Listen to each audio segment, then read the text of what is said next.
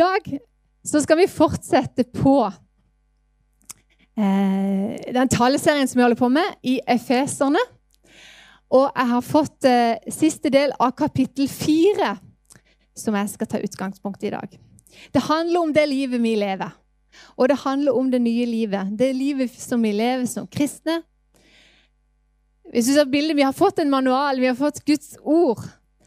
Men det er ikke alltid like lett å leve det livet sånn som Gud hadde tenkt. Eh, for det er ikke alltid vi føler for at det stemmer helt. Og så tar vi litt våre egne valg ut ifra intuisjon og følelse. Og så kan det gå skikkelig galt. Og Guds ord er jo gitt oss ikke for å gjøre det komplisert, av og til kan det føles sånn, men eh, faktisk fordi han ser oss. Fordi han elsker oss. Han ønsker ikke bare vel. Og det er akkurat som når jeg er mamma hjemme i mitt hus, så ønsker jeg jo mine barn bare vel. Og jeg gir dem noen retningslinjer, og jeg setter noen grenser. jeg men det er ikke så lett når en er barn, og det vet jeg sjøl hvis jeg snur det og tenker på meg som datter i et annet hus. Det var ikke alltid jeg forsto hvorfor. Eh, og jeg tenkte at de, bare, de skal bare prøve å gjøre livet mitt vanskelig. Mens de egentlig prøvde å beskytte meg og hjelpe meg, sånn at jeg ikke skulle gå på alle de smellene som eh, jeg kunne gå på. Og eh, sånn er det med Gud òg. Eh, han ønsker oss bare vel. Og han har gitt sitt ord til oss som et fundament for at vi skal kunne leve det livet som Ja, et godt liv. Jeg har lyst til å begynne med starten, begynne med fundamentet. Og noen husker en traktat som vi hadde her for 25 år siden. 30, jeg vet ikke, Den var grønn. Eh, jeg elsker det bildet.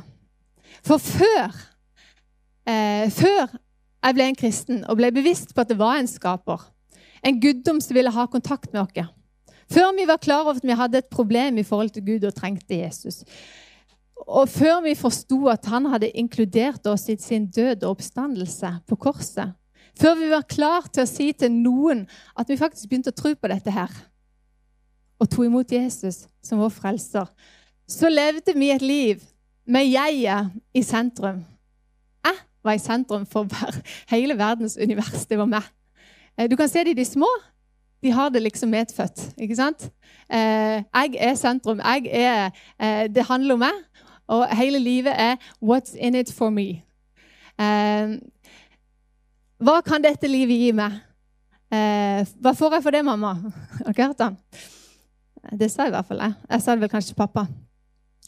Hva kan jeg få igjen for denne jobben?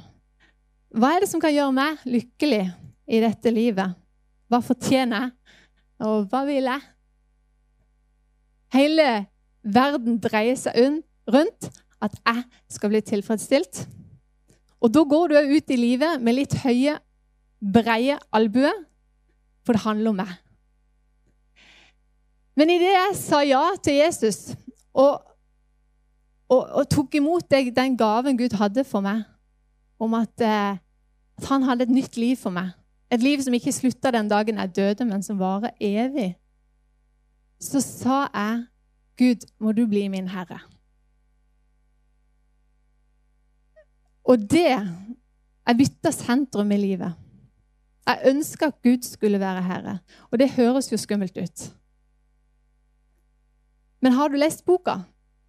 så skjønner du meg fort at når Jesus har tatt på seg alt, og at Gud ser oss gjennom sin rettferdighet helt uten feil, så er det bare kjærlighet, godhet og nåde som følger oss. Manualen og Bibelen den hjelper oss til å leve et liv med minst mulig trøbbel. Men så er det jo ikke sånn at eh, det var den gang da, og så her er jeg nå. Så nå flyter det bare. cruise gjennom livet. Jeg gjør aldri en tabbe. Jeg Faller aldri. ikke sant? Nei, for dette, den kampen står vi i hver dag. Ikke sant? Hver morgen så har jeg lyst til å sette meg sjøl inn i sentrum. ikke sant? Hva skal jeg få ut av denne dagen? En, ikke sant? Gjør sitt beste. Og prøve å brøyte seg litt fram. Se meg. Hør meg. Så må han hele tida ta det vel. Nei, Gud, jeg vil leve for deg. Jeg vil at du skal være sentrum. Jeg vil at du skal være på førsteplass. Men som sagt Manualen, Guds ord, kan av og til virke komplisert når man leser det. Og eh, jeg liker veldig godt denne, eh, denne her. Den her kom på helt sjøl. Men eh, jeg, så, eh, jeg, kom på det når, når Thomas Åleskjær sto her med sånn en legopakning. Husker ikke det? Konferansen.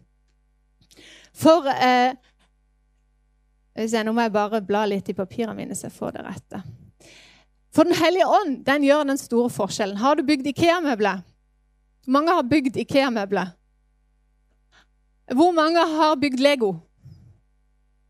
Ja, Fint. Men da tror jeg dere skal forstå det. Fordi at eh, Når det kommer en sånn Ikea-pakning med en sånn et eller annet svære greier, så syns jeg på en måte alltid at jeg har en tendens til at det er noe som ikke virker helt logisk. Og eh, jeg kan fort få vippa rundt sånn at baksida står feil, eller at lista er liksom vendt opp ned. Altså, Jeg syns ikke manualen er helt fantastisk god. Det er mye, mye liksom sånn uforståelig. Eh, mens bygger du Lego Altså, Du kan være den, ha liksom nesten minst IQ. Altså, du, Den er bygd for alle, eh, denne manualen her. Eh, du trenger ikke ha masse erfaring. Du trenger altså ikke ha den største IQ-en. Men hvis du følger skritt for skritt, så kan du få de mest fantastiske byggverkene ut av Lego. Det er helt utrolig. Ja. Jeg er sikker på at Har dere vært i Legoland? Det er noen helt fantastiske greier med fly.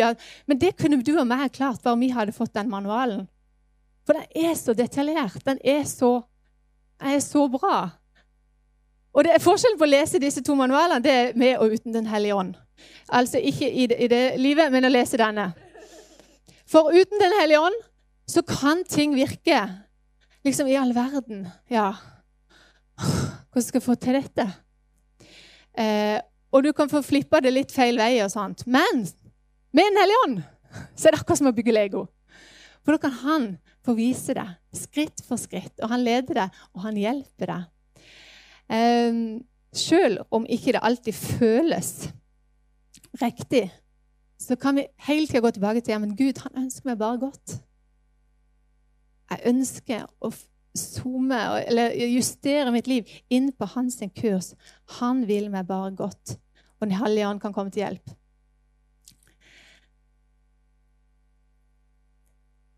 Og da skal vi se og da har Jesus blitt den hjørnesteinen som vi bygger livene våre på. Han viser vei i sin godhet. Før vi skal lese dagens tekst, så skal vi varme opp litt med å bli bedre kjent med oss sjøl. Er dere klar? Vi er, vi er proppa av følelser. Og eh, jeg har vært på kurs med RVTS om traumebasert, eh, eh, traumebasert omsorg i, august. Og Da viste de et klipp fra denne filmen. Så tenkte jeg Guriland, den, gjør, den, den, den sier mye om, om livet vårt òg. Om åssen vi reagerer og, og, og, lever livet. Om ikke vi sjøl har tatt helt kontrollen. Eh, du skal få altså bli bedre kjent med hvordan følelseslivet ditt ser ut. Og hvordan dette temaet av følelse, dette teamet følelse kan styre kontrollsettet i oss hvis vi lar det. Hvis vi ikke er bevisst på at tidligere opplevelser i livet kan gjøre at vi handler og taler rett ut ifra de følelsene vi kjenner der og da. Og la meg bare presentere dette fra innsiden ut. Har mange sett den? Ja, Fantastisk film. Den må du se hvis ikke du har sett den. Her er Mister Frykt til venstre. Sinne, glede, sorg, trist og avsky. Frøken avsky. Alle disse skal du altså få treffe, og den vesle jenta Riley sammen med sine foreldre i et lite klipp fra denne filmen 'Innsiden ut'. Vær så god. Det er mange som har lyst til å eh, ja, ta litt kontrollen av og til over oss. Nå skal vi altså lese dagens tekst. Og jeg har valgt å lese den fra Hverdagsbibelen. Jeg vet ikke om du kjenner den, en ny utgave som kom ut eh, med hverdagsspråk. Eh, min kollega Ebbe Sørensen hun har vært med og skrevet på den i ti år nå for å oversette den. Og Hensikten er at tekstene skal bli lettere for nye lesere å forstå. Og jeg kjenner sjøl når jeg leser det, så åpner tekstene seg på en litt ny måte. Det er veldig, veldig gøy. Vi skal hoppe rett inn i Paulus sin formaning av menigheten i Efesos. Er dere klar? Kapittel 4, vers 25 32. Og eh, Vi kan gjerne lese i kor, men eh, da må dere lese her. Så kan det bli litt kaos. Derfor skal dere slutte å lyve og snakke usant om hverandre. For vi er jo alle på det samme laget. Behersk dere og oppfør dere ordentlig hvis dere blir sinte på hverandre. Ikke vær langsint, men gjør opp med hverandre før dagen er over, for sinnet gir rom for djevelen. Klage. Den som har stjålet, skal slutte å stjele, og heller bruke sine hender til å gjøre nytte for seg, slik at han Unnskyld. Det var vanskelig, dette. Den som har stjålet, skal slutte å stjele og heller bruke sine hender til å gjøre nytte for seg, slik at han kan hjelpe dem som måtte trenge det. Ikke si stygge ting til hverandre, slik at andre blir lei seg. Si heller ting som er til oppbyggelse og oppmuntring for andre, slik at dere kan styrke dem. Dere har jo fått Den hellige ånd i hjertene deres, og, han vil være med dere hele tiden, helt inn i evigheten. Oppfør dere derfor ikke på en slik måte at ånden blir trist. Hold dere langt unna all slags ondskap, bitterhet, sinne, raseriutbrudd og stygt snakk, bare for å nevne noe. Vær heller gode mot hverandre, vis medfølelse og tilgi hverandre, slik dere selv er blitt tilgitt av Gud på grunn av det Jesus gjorde for dere.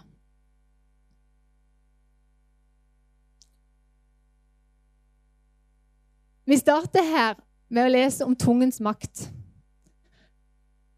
Og eh, disse ordene her er talt til kristne, bare for å ha sagt det først. Det betyr at vi har en jobb å gjøre. Ikke sant? Det er ikke sånn at eh, jeg ble kristen, og så forsvant alle, all, alt dette av råttent snakk, av baktalelse, av alt dette. Det er et poeng med at det sies til de kristne, det er fordi at det er ting vi må ta tak i og jobbe med. Ikke sant? Akkurat som alle andre så vil en ønske en oppføre seg greit. En ønsker å være en god venn. En ønsker å ha en god tone mellom seg og sin ektefelle i sin familie. Og Vi starta altså med å lese om tungens makt, om å legge av løgnen og den der pyntinga på sannheten. Snakke stygt til hverandre når, vi, når følelsene tar tak eller snakke stygt om hverandre. Behovet for alt dette her kom jo fra at vi putter jeg i sentrum igjen. At jeg er viktig. Eh, at jeg ikke må bli avslørt eller busta. At jeg trenger å hevde meg sjøl overfor andre, sånn at jeg skal føle meg bedre. For da, og kanskje at eh, fordi jeg var så irritert og sint og bare måtte få sagt fra, sånn at jeg, jeg kan føle meg litt bedre.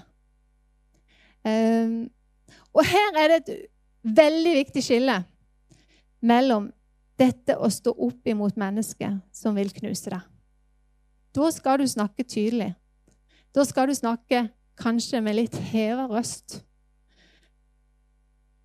Da er det veldig viktig å si stopp. Tydelig stopp. Og det er ikke greit. Men jeg håper dere kan følge meg for videre så snakker jeg altså om forhold innenfor det normale. Ikke om overgrep, trakassering eller vold. For der skal en ta affære.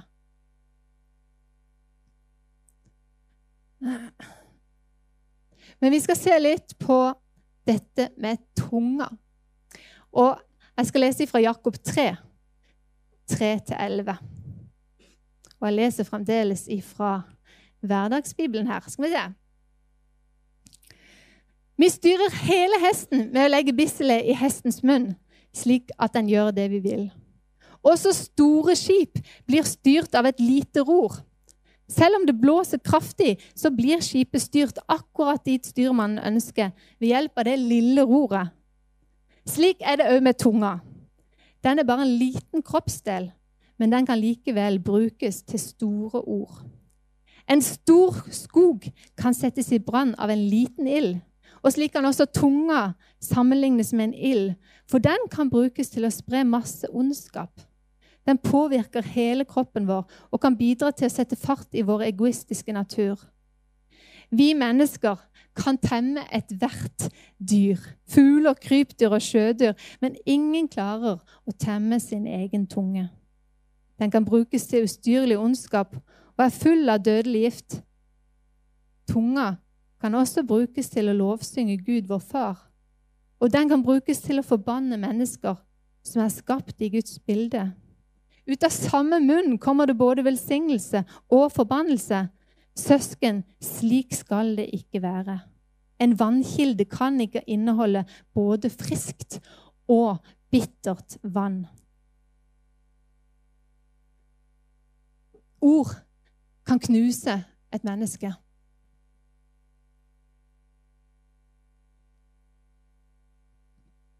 Og i dag så er det ikke lenger bare de ordene vi taler ut, som vi må styre. Men òg som Jarle Haugland jobber med i, i, um, med, i, forhold til media. Familie og medier er det det heter. Tro og medier. Så arbeider han for at vi skal bruke tunga vår, bruke ordene våre, til velsignelse, til oppbyggelse. Eh, og til å fremme alt det gode Gud ønsker å tale ut til denne verden. Og dessverre så ser en at det er mye misbruk av Internett. Det er mye råttent snakk og mye harde ord som kommer opp i kommentarfeltet. Men det kommer jo ikke fra noen kristne, gjør det vel? Jo, det gjør det. Det kan like gjerne komme ifra våre munner. Er det med på å løfte opp navnet Jesus i den verden vi lever i? Nei. Er det de ordene Jesus kom med? Hva ville Jesus gjort? Det er jo en god test. Ungdommene gikk i vår tid med sånn What would Jesus do?-armbånd. For å minne seg sjøl på at i alle de valgene jeg tar, så spør jeg meg sjøl hva ville Jesus ha sagt til dette? Hvem var det Jesus var hard med og ropte høyt til? Oss? Jo, det var de kristne lederne som hadde blitt fulle av religiøsitet, og som hadde fylt hjertet sitt med meg, meg, meg. Det var ikke de som levde i verden, og som ikke kjente Guds lov, og som ikke kjente hans godhet. Der var han mild. Der løfta han opp de svake. Og det er det vi skal få lov å være med på, òg på nettet. Ta de svakes parti. Løfte opp. Oppmuntre. Og være viselige i å vise sannheten og stå opp for det som vi ser er rett. I den lille filmen av Jarle så, så dere et lite klipp av Nettengel. Og det vil jeg bare oppmuntre dere. Søk på netteng nettengel i Google-teksten, så får du litt fin eh, oppmuntring i forhold til nettbruk. På å være viselige og gode på nettet. For vi skal være noe som kalles for assertive. Det er altså et engelsk ord, og det fins ikke på norsk. Men vi, vi, vil stå opp for det vi tror på. Det er noen visse ting som ikke vi vil eh, kompromisse på. F.eks. menneskets verdi. Vi ønsker ønsker å kjempe for det ufødte barn, men vi har ingen mandat til å kappe av hodet av de kvinnene som har tatt abort, eller som står i en situasjon der dette er et kjempedilemma. Men vi skal fortsette å kjempe for det ufødte liv. Og kjempe for at det skal være en varme i dette fellesskapet og i dette samfunnet som gjør at Uansett hvilken traumatisk liv eller omstendighet dette barnet skulle bli født inn i, så er det noen som kan hjelpe. Vi er kalt til å hjelpe, ikke til å dømme. Å være assertive betyr å være fast i det vi tror på, på en vennlig måte. Jeg lærte det ordet av Scott Wilson. Han eh, fortalte om en gang han hadde kommet på et hotellrom. Eh, han og, og eh, en kompis. Og De kom inn der og de hadde bedt om et røykfritt rom. Men det stinker røyk på det rommet. Og det var sånn merker av oppkast på teppet, og det var fremdeles fuktig. Det lukta Det var helt grusomt. Og når de gikk ned trappene for å skulle få seg et nytt rom, så måtte de ta et valg. Skal jeg, hvordan skal jeg møte denne helt uskyldige resepsjonisten? Skal jeg skjelle ut og kreve min rett? Eller kan jeg klare å være assertive? Bestemt, men vennlig. Du, jeg har fått et rom. Det lukter veldig, Jeg har bedt om et røykfritt rom, men det lukter veldig røyk. Og jeg ser at, eh, og det lukter veldig oppkast. Flekkene er fremdeles våte på gulvet, og jeg vil be om å få et nytt rom. Ja, men det, kan, ja, det blir vanskelig. Ja, nei, jeg må ha et nytt rom. Beklager, jeg kan ikke ha det rommet. Jeg har bestilt i forveien og jeg har sagt ifra. Du kan stå i det og være assertive. Og være vennlig, men fast.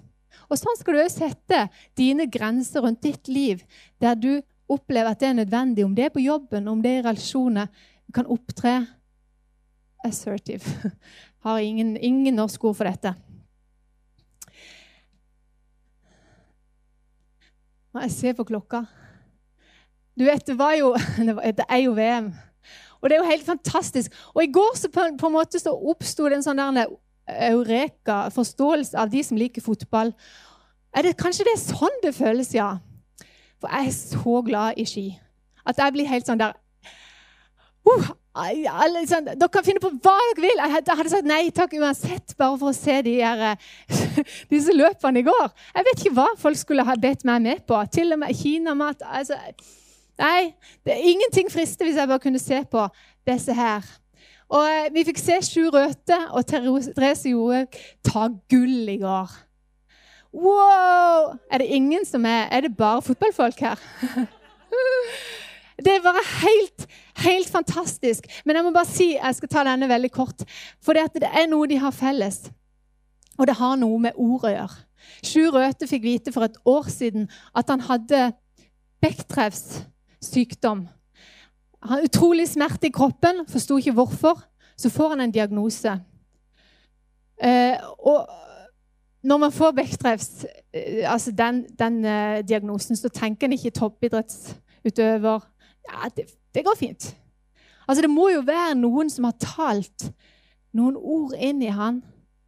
Og han må jo ha valgt hvem han lytter til. Og han har valgt hvilke ord taler til meg sjøl nå. For at han er der et år etterpå. Det er jo helt vanvittig. Therese Johaug. En feil som kosta henne tre år utafor. Vi har ikke sett henne i konkurranse. Det er jo mange ord som har flydd. Ikke sant? Men hun må ha valgt hvilke ord lytter jeg til. Og hun må ha valgt sine ord til seg sjøl. For du vet, du er din største fiende.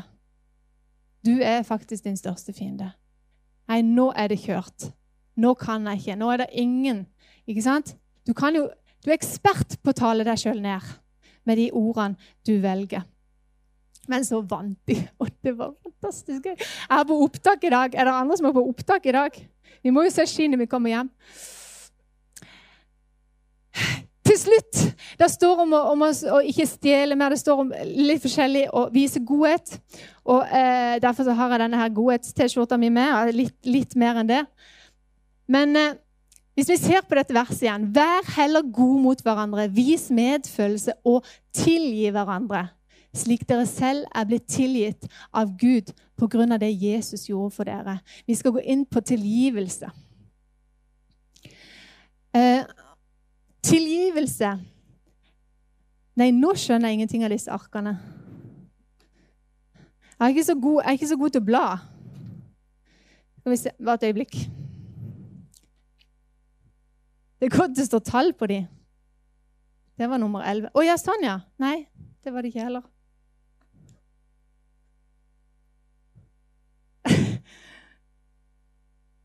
Der var det siste. Og der var det. Flott. Da har jeg det.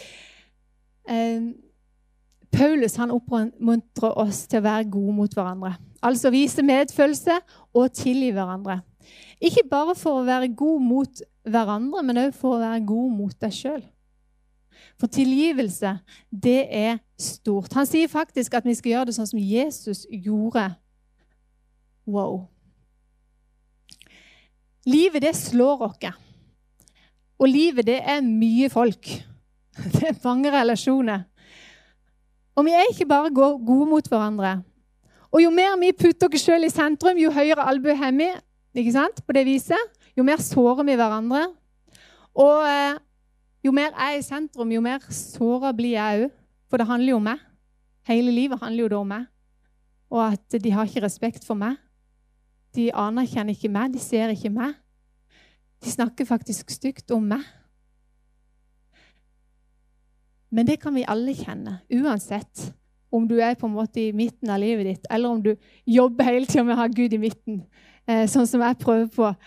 Så kjenner du på det. Folk kan gjøre deg vondt.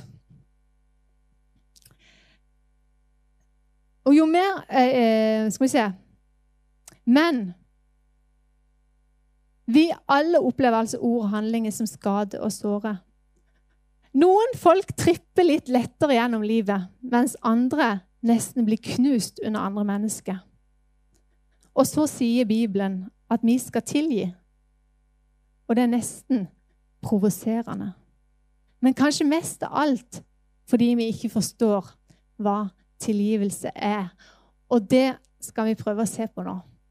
Eh, vi skal se på eh, Oddvar Søvik. Han er en bibellærer som har skrevet en tekst om dette i forbindelse med eh, overgrep eh, og, og eh, ting som, som, var et problem i de sin bevegelse. Men han ville bare skru vekk det og si la oss bare se på hva er egentlig tilgivelse. Um, og da er det lettere å se på det med å se hva det ikke er. Tilgivelse er ikke avhengig av at noen ber om tilgivelse. Da kan du aldri få tilgitt noen som f.eks. er død, eller som ikke engang sjøl vet at eh, de har gjort deg noe vondt. Det er ikke det samme som å minske alvor i handlingen. Det er ikke å si ja, men det går greit, eller det er greit sånn kan skje. For det er mange ting som absolutt bare ikke er greit, som har skjedd. Og det er ikke det samme som å gi tilbake tillit. Hvis jeg tilgir deg, så betyr det ikke at jeg har samme tilliten til deg. Den må bygges opp igjen. Og det er ikke det samme som forsoning. Tilgivelse handler om vårt gudsforhold. Forsoning det er forholdet mellom mennesker. Og noen ting man velger å tilgi, krever aldri at du skal ha en forsoning med mennesket. At du skal koble sammen igjen. Du kan ta et eksempel, f.eks. en alkoholisert far som har eh, mis, vært voldelig mot både barn og, og kone. Kona kan velge å tilgi, men hun trenger absolutt ikke å invitere han med inn i huset igjen. Forstår dere forskjellen? Tilgivelse er å frasi seg retten til å gjengjelde. Overlat straffen til Gud, står det i Bibelen. Tilgivelse er å be for den som har gjort urett. Og det høres ut som en krevende, en krevende øvelse. Men idet du ber, kjære far, tilgi meg for at jeg ønsker å gjøre jeg har alle disse følelsene mot denne personen. Jeg ønsker egentlig bare å gjengjelde det. Gjøre noe vondt tilbake. Hjelp meg til å tilgi dette mennesket. Jeg ber om at du skal velsigne Jeg ber om at den personen skal ha det godt framover. Og hjelp meg til å være fri. Amen. Det er en bønn som setter fri.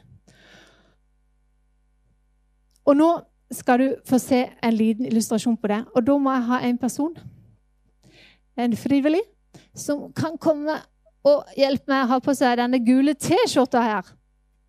Og Det er det siste jeg skal gjøre i dag. Og jeg tror rett og slett, Thomas, at du var skikkelig eh, frivillig. Thomas han eh, lever sitt liv i godhet og kjærlighet. Snikreklame igjen. Eh, men det er noen som gjør Thomas vondt. Det er noen som sier Som sverter han. Og som Du trenger ikke være veldig redd, men du kan godt snu deg litt den veien. Ja, ja. Er det der du har hatt den før? Jeg må bare se at jeg ikke tar genseren.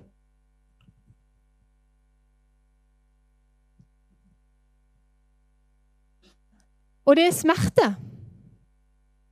Det er smerte. Eh, han har opplevd at, eh, at flere mennesker altså har, eh, har Opsi, der var han. Har ikke vært grei med han. Han ble faktisk mobba når han var ung og liten. Opsi. Takk. Det var mye vondt som skjedde. Og det smerter. Og han kan fremdeles kjenne Du må egentlig bare snu deg litt vekk fra meg. Han kan fremdeles kjenne at det er smerte i dag. Vi må ha en til.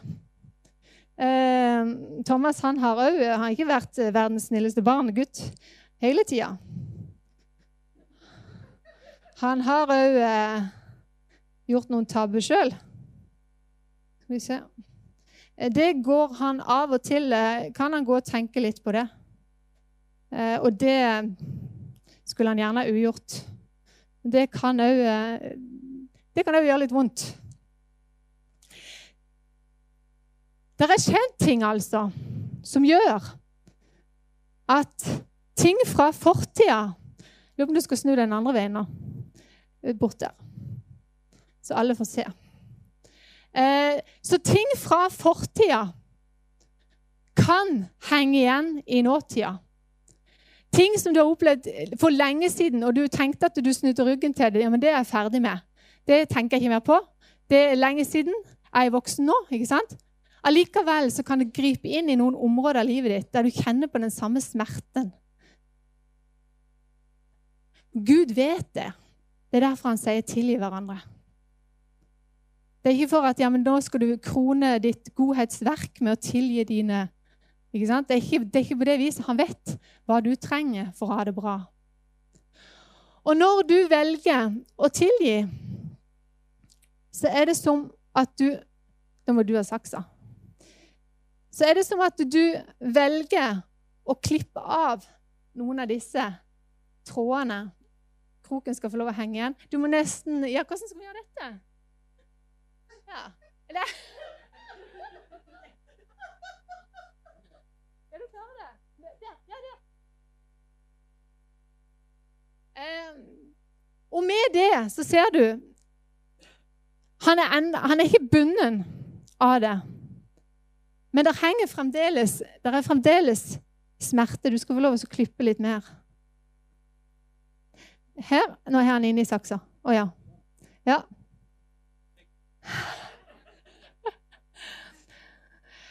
Den siste her, den her handler om deg sjøl, Thomas. Fordi at det faktisk er det ikke bare de tingene som du har gjort, nei, de tingene som andre har gjort med deg, som kan smerte deg. altså. Det er òg ting du har gjort mot andre. Den vanskeligste kroken å bli kvitt, det er den som handler om å tilgi seg sjøl. Den sitter altså så fast. Og du får god hjelp i å nappe i den. For djevelen han vil ikke at du skal være fri fra dette. For vet du hva? Hvis du blir fri fra den, så vil du oppleve at gleden, friheten og kraften til livet kommer tilbake. Hvis du tilgir deg sjøl, så vil du kanskje ha tro på at ah, jeg kan faktisk bruke mine talenter og gaver til det Gud har skapt meg til. Jeg kan, jeg, jeg kan få det til.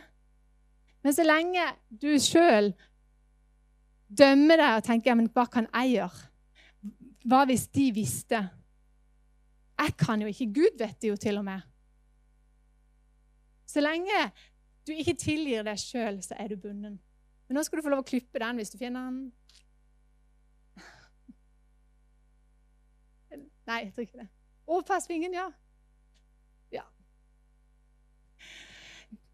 Woohoo! Nå er Thomas fri, men det ville jo ikke vært himla behagelig å sette seg i en sofa og lede seg bakover. Nei. Denne ryggen er full av sporene. Thomas har valgt 'jeg vil tilgi'. Han har satt seg fri fra den personen eller de som har voldt ham vondt. Han har, han har valgt at 'jeg tilgir meg sjøl', men han kjenner det fremdeles her.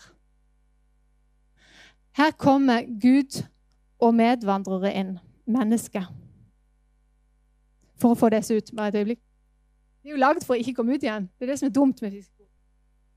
Når du får hjelp av mennesker til å fjerne krokene, i samtale Du kan skrive brev til den som har voldt deg vondt, og si alt hva du føler.